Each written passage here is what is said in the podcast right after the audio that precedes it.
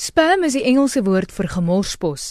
Gewoonlik 'n advertensie-epos wat by jou en 'n rits ander moontlike kliënte gewoonlik ongevraagd opdaag.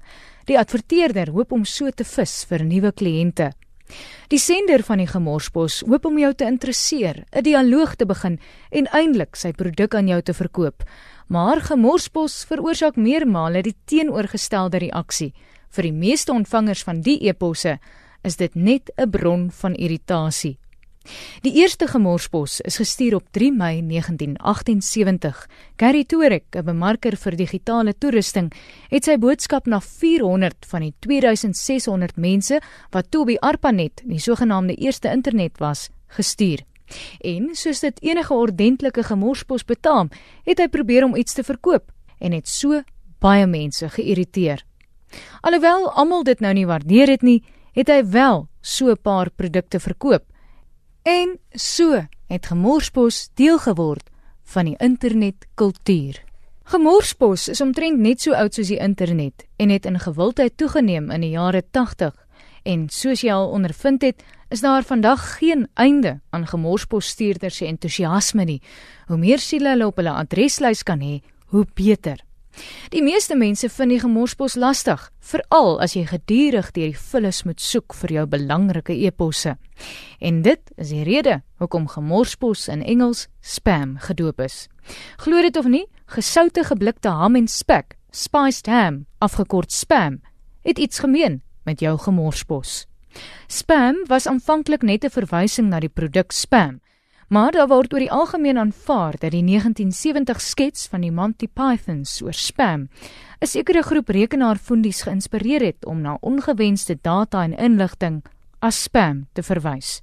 Die toneel speel af in 'n restaurant. Twee mense daag op en kan omtrent niks op die spyskaart vind wat nie deur spek is met wel spam nie. Daar is so baie spam dat selfs die verwysing daarna die geselskap oorskadu en enige sinvolle dialoog onmoontlik maak. Om alles te kroon, begin 'n groep Vikings in die hoek van die restaurant ook geesdriftig spam dreun sing. Die spam oorheers die spyskaart, oorskadu die dialoog en die gebrek aan keuse van enigiets anders op die spyskaart, begin die klant wat sopas opgedaag het en graag wil bestel, grensloos irriteer. Hy wil in die eerste plek glad nie spam eet nie maar alles bevat die bestanddeel. Morning. Morning. What you got then? Well, there's egg and bacon, uh, egg, sausage and bacon, egg and spam, egg, bacon and spam, egg, bacon, sausage and spam, spam, bacon, sausage and spam, spam, egg, spam, spam, bacon and spam, spam, spam, spam, egg and spam, spam, spam, spam, spam, spam, spam, baked beans, spam, spam, spam and spam. Thermidor crevettes with mornay sauce, garnished with truffle pate brandy and a fried on top and spam. Have you got anything without